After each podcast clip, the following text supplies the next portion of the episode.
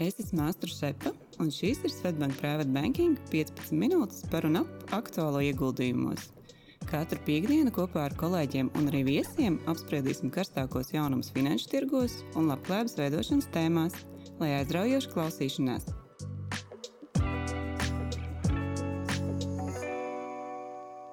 Esiet sveicināti podkāstu 54. epizodē.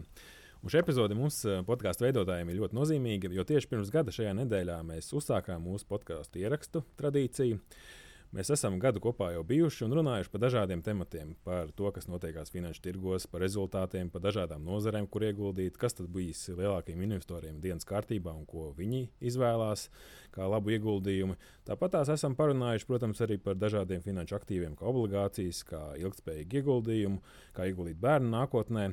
Un arī to liels prieks esam darījuši plašā nu, kolektīvā. Daudz privātu banķieri ir iesaistījušies.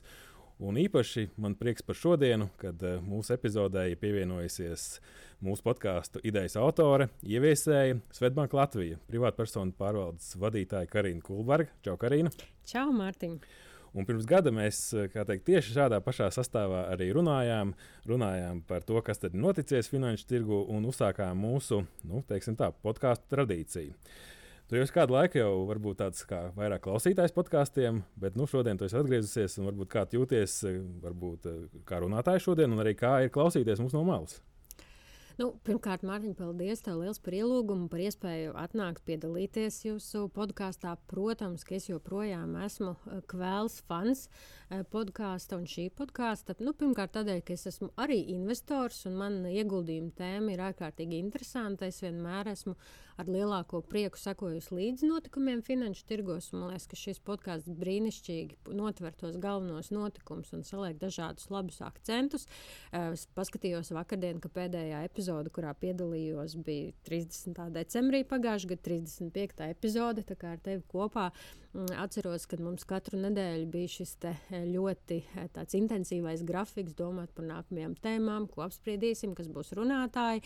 Jāatzīst, ka mazliet arī sākumā vismaz pēc tā ilgojos. Nu, darīt šobrīd, ko nepietrūks, līdz ar to tāds dienas kārtība ir ļoti, ļoti pilna, bet arī no malas raugoties, es īstenībā tiešām domāju un, un, un ticu, ka arī daudziem mūsu klientiem, man liekas, ir ļoti, ļoti noderīgi tas, ka kaut kādas tādas galvenos notikumus īsā, vieglā formātā, kā jūs to esat arī turpinājuši.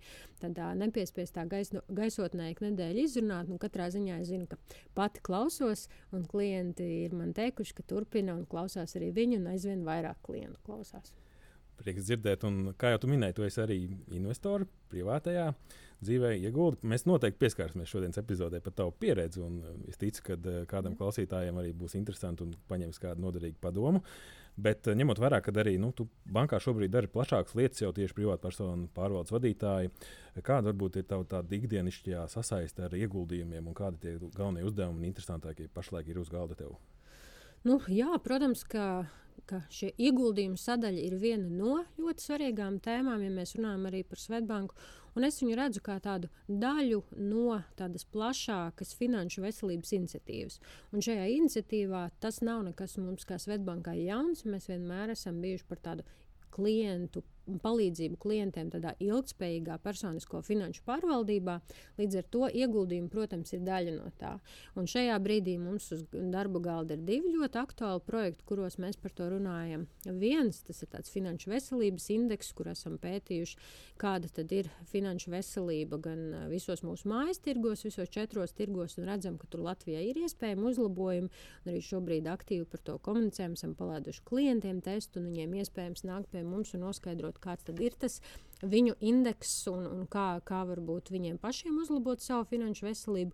Un otra tieši ar ieguldījumiem ļoti tieši saistīta tēma, kad esam sākuši jauniešu kampaņu trāpa simtniekā kur eh, ļoti labprāt jauniešiem vairāk pastāstīsim par saviem roburu fondiem, kas ir, nu, man liekas, tāds kolosāls rīks, kur principā sākot ar vienu eiro, uh, kas jauniešiem varētu būt ļoti aktuāli, viņi var kļūt par investoriem jau Microsoftā, Teslā, uh, pasaules lielajos uzņēmumos, izmantojot mūsu ruburu fondu piedāvājumu. Un tur uh, simts jauniešiem, kur piedalīsies, aizpildīs mūsu testu, piedalīsies loterijā, būs iespēja vinnēt katram pa 100 eiro, kurus ir sev, sevis izvēlētā ruburu fondā arī ieguldīt, nu, lai sāktu un iegūtu šo pieredzi investīcijās. Jā, nu, droši vien visiem, kam ir jaunieši mājās vai paši jaunieši, kas klausās, noteikti izmantojiet iespēju. Bet nu, sāksim droši vien tādu interesantu sadaļu. Vienmēr mēs banķieri runājam, kā ieguldīt ilgtermiņā, diversificēti. Viss tas skan ļoti labi, bet uh, varbūt retāk mēs runājam par to, ko mēs paši darām un kādus ieguldījumus mēs veicam. Līdz ar to gribēju tev noteikti jautāt tādu pamatu jautājumu, kā tu sevi saskati kā investoru, kā, kā, kā tu sevi raksturotu? Es kopumā sevi raksturoju kā tādu investoru, kas ir ļoti disciplinēts. Man ir vajadzīga sistēma, jo es savādāk zinu, ka, ja man tāda nebūs izveidota, nu tad, tad es varu tām investīcijām pieiet lēnāk un kūtrāk. Līdz ar to es būtībā uzskatu, ka tāds mans lielais iegūms bija tas, ka pirms vairākiem gadiem es sapratu, ka man ir nepieciešama tāda ļoti skaidra struktūra, kā es investēšu, kā es investēšu katru mēnesi, un tad visu to automatizēt. Un es ar prieku varu teikt, ka tādu sistēmu esmu pēdējos gados arī sev ieviesusi, kur man ir ļoti skaidrs tas, cik es regulāri no katras savas algas nolieku malā saviem uzkrājumiem un iegūtu. Un, tā mana pieeja ir bijusi tāda, ka tātad šo te, procentuālo daļu, ko es ieguldu, es sadalu pirmkārt nu, tādos ļoti labi diversificētos produktos, kur man ir arī nodokļu ieguvums, kas ir gan uzkrājušā dzīvības apdrošināšana, gan pensiju trešais līmenis. Un tad daļa ir tāda, ko es novirzu arī uz tādu pasīvu ieguldījumu šajos pašos roburu fondos. Kas mani interesē, kas mani, nu, teiksim, kas mani interesē un atbilst manam profilam. Un tad daļu no tās naudas es atstāju tādā tā kā višlistā vai tādām idejām, kas man patīk, ar ko es aizraujos, kas man ir tajā brīdī aktuālas, un novirzu individuālām akcijām. Tieši nākot pie tevis uz šo sarunu, domāju, pati nu, mm, es praktizēju to, ka katru februāri es pārskatu to, kāds izstāsta mans portfels, jo nu, jāpaskatās vienmēr, vai tur ir nepieciešams kā tādam pārvaldniekam kaut ko pārvirzīt. Varbūt es esmu pārāk iekritus vienos vai otros tirgos, vai varbūt es esmu pārāk visu novirzījis kaut kādās geogrāfijās vai sektoros. Tad nākot pie tevis, paskatījos šobrīd, kā izskatās tas, nu, kas ir teiksim, tajā manā portfelī. Tad šobrīd tur ir kādas 11 individuālās akcijas, nu, respektīvi tā, tā, tās interesantās. Jā. tās interesantās, jā, kas man ir likušās aktuāls. Un esmu īstenībā ļoti, ļoti priecīga ar, ar, ar to izvēlu un cik es esmu katrā arī salikusi. Un tad man ir arī pieci tādi fondi, kurus esmu izvēlējies, nu, kurus arī regulāri papildinu atbilstoši savām interesēm. Tā, tā man pieeja ir tāda, un es esmu pamanījusi to, ka šādā veidā es varu noķert to, ka man mazāk paliek bail no kaut kādiem teiksim, ik mēneša vai, vai kritumiem vai kāpumiem, bet man ir tāds ļoti regulārs veids, kā es katru mēnesi zinu to summu, ko es ieguldījuši. Es zinu, cik precīzi aizies šim uzkrājošai pensiju trešajam, precīzi cik aizies tiem roburu fondiem, nu, tad pārējo es uh, ielieku tur, kas tajā mēnesī man ir tāds uh, uzrunājis, vai, vai, vai kur, kur man li, likās, ka šī ir interesanta forša iespēja. Nu, pirmā sadaļa tad sanāk, tev sistēma izstrādāta pietiekami loģiski, un tur droši vien tas lēmums nav ik pa brīdim. Tāds jāpieņem, bet uh, ļoti interesanti ir par to sadaļu, kur tad to izvēlies tās individuālās akcijas. Jo tas mm. vienmēr bijis tāds uh, nu, stiprs, vārstīgāks droši vien ieguldījums. Un noteikti arī tajos momentos nu, ir kaut kādi tirgus momenti, kas liek tev izdarīt izvēli pa vienu. Pa labu vienai vai otrai akcijai vai fondam. Kā varbūt tu to kā tu rīkojies un tu, kas tev palīdz pieņemt lēmumus un mm. izvēlēties vienu vai otru ieguldījumu? Nu, zini, kā, es domāju, ka man visticamāk, Visticamāk, tas, ar ko man arī ir ļoti paveicies, ka kopš es šo sistēmu regulāro esmu ieviesusi, kopš šis ir tāds, nu, tāds tā kā mana tā pieeja, tie tirgi, teiksim, tie ir bijuši pēdējie kādi seši, septiņi gadi, tie tirgi arī kopumā nu, ir ļoti labi gājuši uz augšu, un līdz ar to tā, nu, tā jau ir tā pozitīvā sajūta, ka tu gada beigās skaties, un, un tu redzi, ka kopumā tas ienesīgums ir bijis patiesībā ļoti, ļoti labs. Es teiktu, ka sākumā tas, kā es mēģināju par to domāt, ka es mēģināju izvēlēties um, dažus uzņēmumus un dažas no nozares, kas man likās, nu, kurām ir jāattīstās. Un tas viens no teiksim, maniem lielākiem holdingiem līdz šim brīdim ir tas, ka es um, šos te piecus, sešus, droši vien jau varbūt vai pat vairāk gadus atpakaļ. Uh, pēc tam, kad atgriezos, biju padzīvojis Bišķiņā ASV. Viens es ļoti ticēju un domāju par to, ka uh, ļoti liels potenciāls joprojām ir uh, farmācijas, medicīnas uzņēmumu jomā, un tad es izvēlējos tajā brīdī Roburu fondi vēl nebija pieejami. Tagad esmu pārgājis uz to pašu ieguldījumu Roburu fondos, bet principā veselības aprūpe ir tā, kurā es esmu uzlik, bijusi uzlikusi diezgan lielu kārtu un joprojām tajā esmu. Un es to skatu kā tādu tiešām savu ilgtermiņu pozīciju, kurā būšu. Nu, un, protams, tur iedomāties, ka gan Covid laikā nu, tā vērtība pieauga ļoti patīkami. Nu, protams, arī tagad, kad tā ir atkal normalizējusies, bet nu, joprojām teiksim, tas ienesīgums man tur bija ļoti foršs, ļoti labs. Tāpat man palīdzēja arī tas, ka tie pirmie ieguldījumi nu, tajās individuālajās varbūt akcijās, kas bija nebija nebūt tik agresīvi, bet bija, nu, piemēram, no Latvijas akcijām. Tas bija Madara kosmetikas, kur es pat varbūt nebiju cerējis, ka tas ienesīgums tieši Covid laikā un tā akciju vērtība tik strauji kāps. Un, un tas ir bijis ļoti patīkami. Tur ir bijuši arī tādi ļoti pragmatiski stāsti, nu, kad tā skaitā man ļoti uzrunāja tas, ko Varens Buffets, Buffets un Berkshire Hathaway, tas doma gājiens par Apple, un tad mēs diezgan daudz par to runājām arī manā ģimenē mm, ar, ar, ar bērniem kā tādu piemēru, nu, kādā veidā tu vari ne tikai lietot Apple produktus, bet īstenībā kļūt par mazu, mazu, viņa akcionāru. Nu, man jāatzīst, ka man arī tur ir diezgan liela pozīcija, un ar to arī esmu ļoti, ļoti priecīga. Nu, protams, šo kā tādu savu veiksmīgu ieguldījumu arī atzīmēja uh, tikko nesen, kad 6. maijā Varens savā, savā pēdējā uzstāšanās tajā Berkshire Hathawayā. Tā kā būtībā tās idejas nāk no tādām dažādiem avotiem, no dažādiem no kaut kādām iedvesmām, bet es esmu ļoti, ļoti priecīga, ka papildus tam, kad ir šīs te, nu, fondu idejas, kad ir kaut kādas arī individuālās akcijas, jo tas man ļoti labi palīdz sekot līdzi arī tam, kas notiek pasaulē, veidot tādu savu izpratni teiksim, par uzskatiem, kas man liekas attīstīsies. Un, man liekas, tur ik, ik brīdim arī piemini savā sarunās par dividendēm, ka tev ļoti patīk, ka ik brīdim iekrīt kontā papildus naudu, negaidīt naudu, un tas tev rada papildus prieku. Tas, man liekas, vienmēr bijis tiešām patīkami arī man, kad es saņemu dividendus. Tas ir ļoti patīkami paskatīties, kas tad ir izmaksājis man viņas.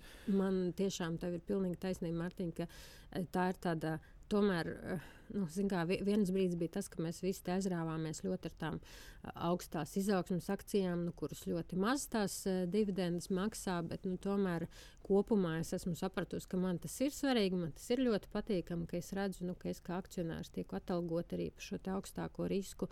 Un, ja tas, tā peļņa tur ir bijusi, tad saņem to regulāro dividendu. Tiešām tā ir taisnība, ka arī diezgan daudz no individuālajām akcijām, ko es turu, ir tās dividendžu nesošās. Tādēļ tas rezultātu paziņošanas laiks un pavasaris kopumā jau ir tāds patīkams. Bet nu, Amerikas akcionāriem foršā lieta ir uzņēmuma akcionāriem, ir, nu, ka tas ir reizes ceturksnī tas prieks. Nu, arī īstenībā tas jau padara arī gan mūsu podkāstu pārraides interesants, ka bieži var parunāt un tur īstenībā tās svārstības pietiekami nu, liels, gan pozitīvs, gan arī kaut kādos momentos negatīvs, kad ASV kompānijas lielās paziņo rezultātus. Bet tu jau pieskāries arī par aktuāliem ieguldījumiem. Viens minēja, ka veselības aprūpe, kas, protams, arī arī nu, augstās inflācijas periodā, kad mēs redzējām, ka daudzas šīs izaugsmas akcijas krita, bija uzrādīja pietiekami stabilu rezultātu. Bet, nu, kas tad varbūt ir tavuprāt vēl šobrīd, nu, kā investoram, tās nozares vai akcijas uzņēmumu, kur mēs varētu vēl saskatīt nākotnes tādu pietiekami labu, nu, interesantu ieguldījumu variantu? Um, nu, Zinu, ka uh, es, es droši vien neņemšos izteiktās prognozes par finanšu tirgiem un kur tad šobrīd vai citos mirkļos ir jāiegūda. Es domāju, ka uh, tas tāds ļoti ļoti riskants pasākums. Es teikšu to, ka es esmu sapratusi, ka priekš manis tas, kas strādā, man ir tā, tajā manā teiksim, riska tolerancē pilnīgi noteikti eh, nav bijis viss piedzīvojums ar kriptovalūtām. Tas priekš manis teiksim, būtu kā tāds nu, teiksim, objekts, kurā ieguldīt, eh, manuprāt, pietiekami spekulatīvs, un tur varbūt es neredzu to bāzes vērtību. Es teiktu, ka tas visā tajā ciklā, kā viņas auga, nu, e, es piedalījos ļoti, ļoti maz, varētu teikt, nepiedalījos. Un, piemēram, priekš manis arī šobrīd tas nav kaut kas tāds, kas ir interesanti. Um, Es vēl, ļoti. Vēl jau jāsaka, ka mēs jau runājam podkāstā, kad ir kripto liekas, ledus laikmets. Jā, jā ziema un tagad jau ledus laikmets. Jā. Uh, bet nu, es zinu, ka ir investori, kam tā ticība joprojām tur ir un izaugsmē, ka viņi tur attīstīsies. Es teikšu, ka priekš manis ir ļoti svarīgi tas, ka man ir kaut kāda daļa, teiksim, tā man ieguldījuma tiešām tādā labi diversificētā fondā, kas pārstāv dažādas geogrāfijas, dažādas, dažādas nozares.